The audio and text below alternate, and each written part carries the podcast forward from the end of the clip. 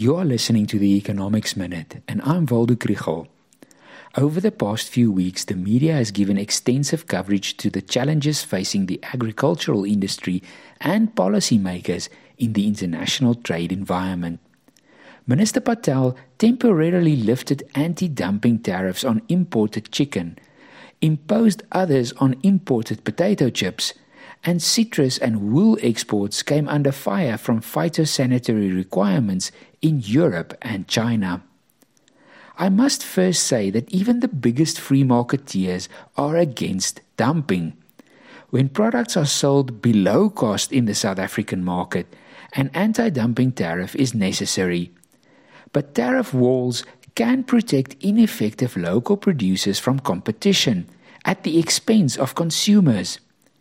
Unfortunately, it is in practice quite difficult to determine when the cheaper foreign product is just produced more cost effectively and when it is dumped.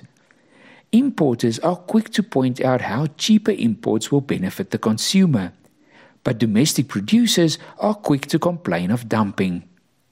In addition, tariffs and other trade restrictions cut both ways.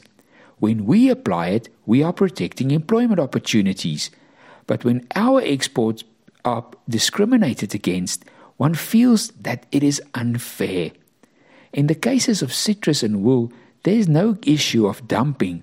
It's just those importing countries protecting their industries at the expense of their consumers. Our policymakers and we as a community just have to make peace with the idea of opportunity cost. We can have local production jobs, transformation, and rural development, but with high prices. Or we can have low prices and no local industry. And when others restrict our trade, we must use all available channels to fight them, just as they do with us.